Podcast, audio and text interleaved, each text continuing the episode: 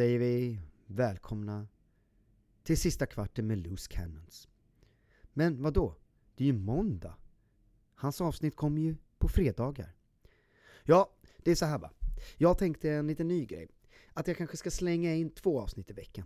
Ett avsnitt precis efter helgen där man bara summerar lite snabbt och lite argt och lite glatt, eller vad fan man nu vill säga, om det som har hänt. Och så på fredagen blickar vi framåt och så pratar vi om det vi ska göra inför helgen. Så slipper vi ha det på samma avsnitt. Så slipper det bli så orent. Så slipper det gå en vecka att man har glömt bort det som hände i helgen.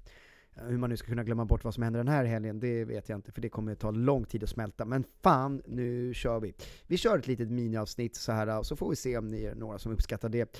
Det är skönt att få lite en måndagskväll-lyssning, eh, eller om ni lyssnar på tisdag morgonen på väg till jobbet.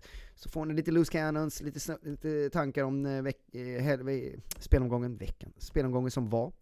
Och eh, sen vet ni det att på fredagen, då kan ni komma med frågor om ert lag, eh, frågor om ni har någon fråga om spelare, frågor om varför jag gör som jag gör. Alla möjliga frågor kan ni komma med på fredagen, där jag också snackar upp lite helgen. Så det här är bara ett litet recap av helgen som var. Vad fan var det som gick rätt? Vad var det som gick fel? Och det var ju vissa grejer som gick fel, måste man ju säga. Fy fan, helvete. Vi har alltså gått i bräschen. Vi har hyllat en spelare. Vi har snackat kudos, kudos, kudos hur mycket som helst. Och så står vi inte på oss. Vi låter kudos ta plats på bänken. Och nu för tiden verkar ju alla spela så att han kommer ju inte komma in. Nej, nej. Han får vara kvar på bänken. Kudos! Ja, han gör två mål. Han håller noll. Han tar tre bonus. Han slutar på 16 pinnar. Och jag spelar inte honom. Nej, ni hörde rätt. Loose Cannon som fan pratar kudos mer än alla andra. Ja, vad gjorde jag istället? Nej men jag gjorde en minus 8, jag gjorde ett trippelbyte. Vad fan var det värt det? Nej, det var inte värt alls. Jag skulle ha skitit i det. Jag bytte in Senesi i Bournemouth. Släppte in eh, mål efter tre minuter. Tack för den. Har Livramento på bänken. Tog nio poäng. Så det där kunde jag skitit i. Skitit i det bytet, bara kört Livramento. Ja.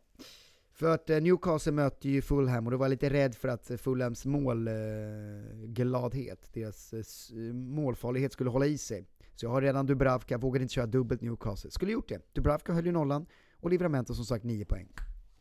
Istället, på Fulham-spåret, så tyckte jag att jag gjorde ett jävligt smart byte. Jag tog in Raúl Jiménez, sett bra ut. Fulham ger mycket mål. Enkätia var jag trött på att ha i laget. Jag kör raka bytet. Raúl är ju en startspelare, så att, varför ska jag Enkätia? Och eh, mitt tredje byte är ju då um, Haaland som alla andra bytte ut. Jag tog in eh, Watkins, det var ett bra byte. Han gjorde ju också mål och eh, har ju Sheffield United nu. Superbra byte. Men vad händer då? Eh, Raúl Jiménez, innan jag precis väljer att köra tremananfallet så är jag inne på att köra Kudos. Han möter Wolves hemma och de, han kan ju göra mål där. Han gjorde mål i veckan också inför. Spelar för sig väldigt mycket Så tänkte han kanske lite sliten, men vad fan, han är ju ett sånt lag och en sån spelare så han spelar ju varje match. Han roteras ju inte.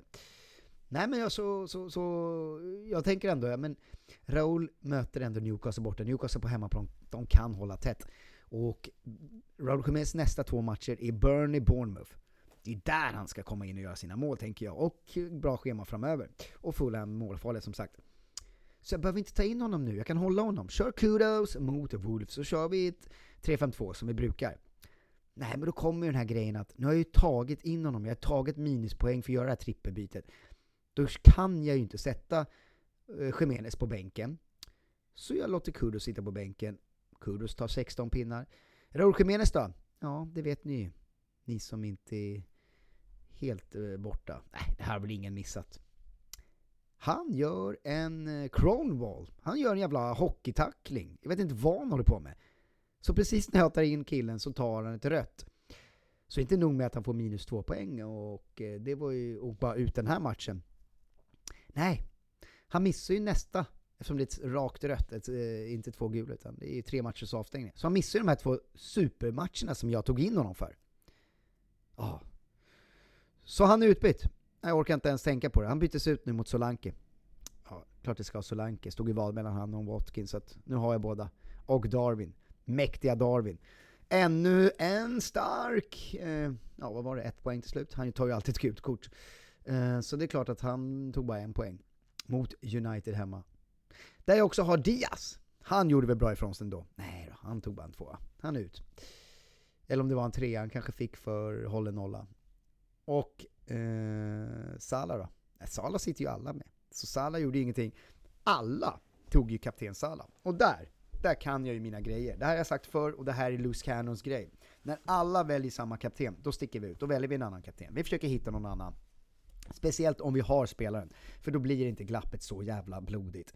Säg att Salah gör det bra, då är det liksom, ja, de får eh, dubbelt så mycket poäng, men jag får ju fortfarande Salah-poängen, grundpoängen.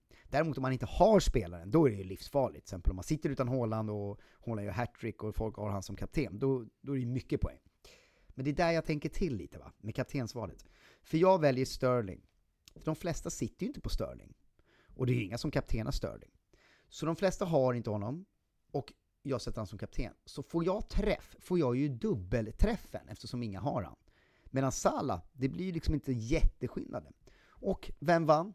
Än en gång, Loose Cannon slår mängden av alla, alltså den här procenten som var kanske 98%.